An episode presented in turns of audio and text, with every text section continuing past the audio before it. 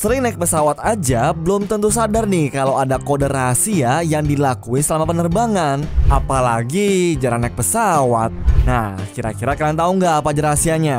Penasaran kan? Hai, calon sarjana di sini dan kita akan jelasin beberapa rahasia yang dilakuin sama pramugari tanpa kalian sadari. So, nggak usah pakai lama lagi, siapin diri kalian nikmatin videonya.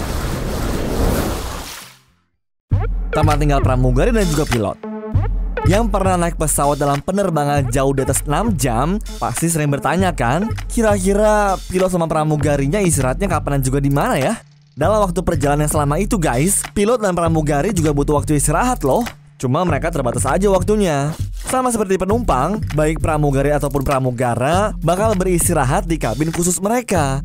Semua maskapai pasti lebih memprioritaskan ruangan bagi para penumpang Ya, tergantung dari ukuran sama mode pesawatnya juga sih. Biasanya ada yang duduk di area kokpit dan kalau di pesawat ada first classnya, bakal disediain tuh guys kabin khusus buat para kru.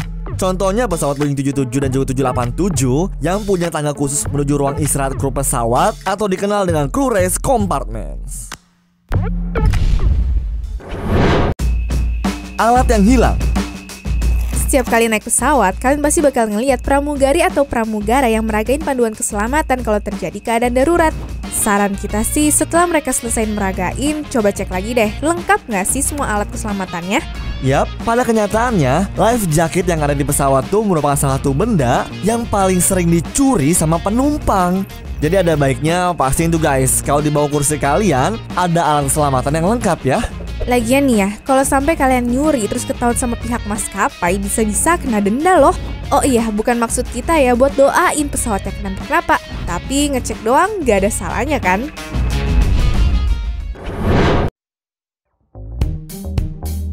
Tiap kali liburan naik pesawat sih, gue selalu berharap buat dapat tempat duduk yang bagus ya.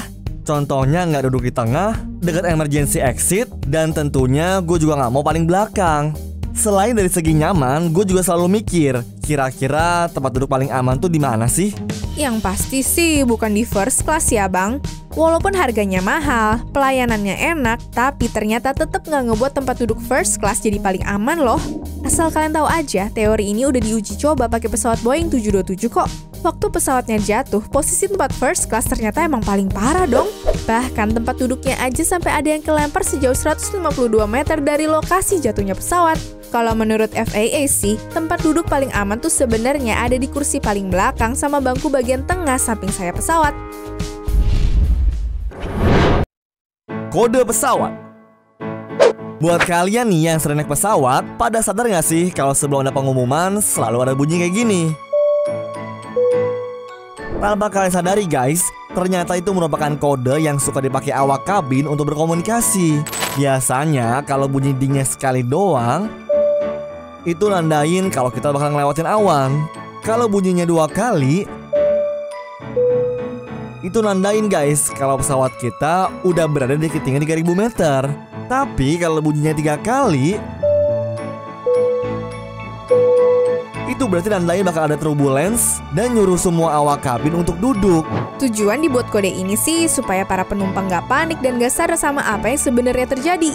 Kebayang dong kalau si pilot ngasih informasi terus-terusan, orang yang takut naik pesawat fix bakalan bikin tambah deg-degan kan?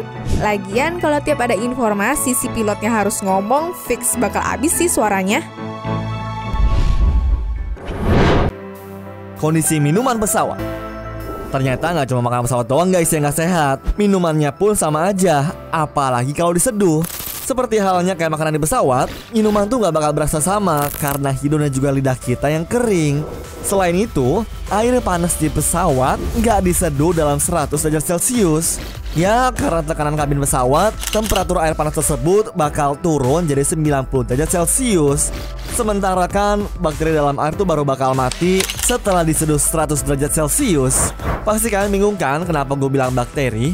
Soalnya air yang dipakai itu adalah dari keran guys. Dan kalian juga perlu tahu nih kalau maintenance pipa air dalam pesawat tuh kurang baik karena ya waktu pesawat mendarat hal tersebut cuma dilakukan sama satu orang dan cuma dalam waktu yang sebentar.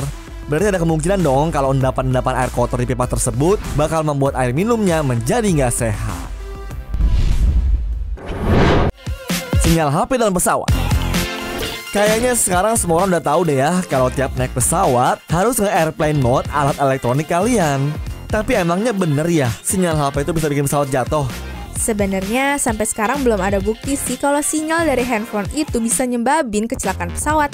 Aslinya mah sinyal handphone dilarang nyala selama penerbangan biar nggak ngeganggu sistem komunikasi pesawat. Dan kalau ada sinyal handphone yang nyala, pilot bisa langsung tahu karena nimbulin suara berisik di radio.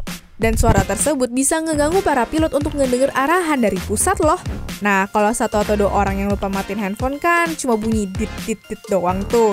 Kebayang nggak kalau ada puluhan orang yang tetap nyalain sinyal handphonenya? Bisa-bisa para pilot malah jadi nggak denger apa-apa kan?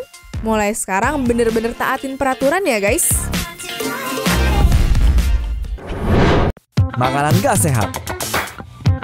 Setiap kali dapat makanan di pesawat, gue selalu coba untuk nggak makan karena rasanya emang aneh. Sebenarnya bisa kayak gitu karena pas kita lagi di ketinggian sekitar 9000 meter, lidah dan hidung yang jadi sumber perasa bakal semakin kering guys. Jadinya kita kurang bisa ngerasain makanannya. Tapi kalian perlu tahu, makanan-makanan tersebut udah ditambahin dengan berbagai macam zat yang bisa ngebikin mereka makin enak. Contohnya nih adalah gula, garam, dan juga lemak. Berarti sebenarnya makanan pesawat bisa sampai 1500 kalori guys. Dan yang bakal bikin kalian lebih shock lagi tuh, makanan pesawat ternyata dibikin berjam-jam sebelum penerbangan. Dan di saat aku bilang berjam-jam, bukan kurang dari 6 jam doang ya guys. Sebenarnya makanan tersebut dibikin sekitar 12-72 jam sebelum penerbangan di pabrik dekat bandara.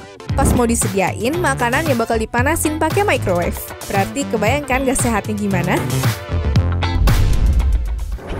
Anyways, cukup sampai di sini ya guys video hari ini. Sampai jumpa di video selanjutnya. Dah.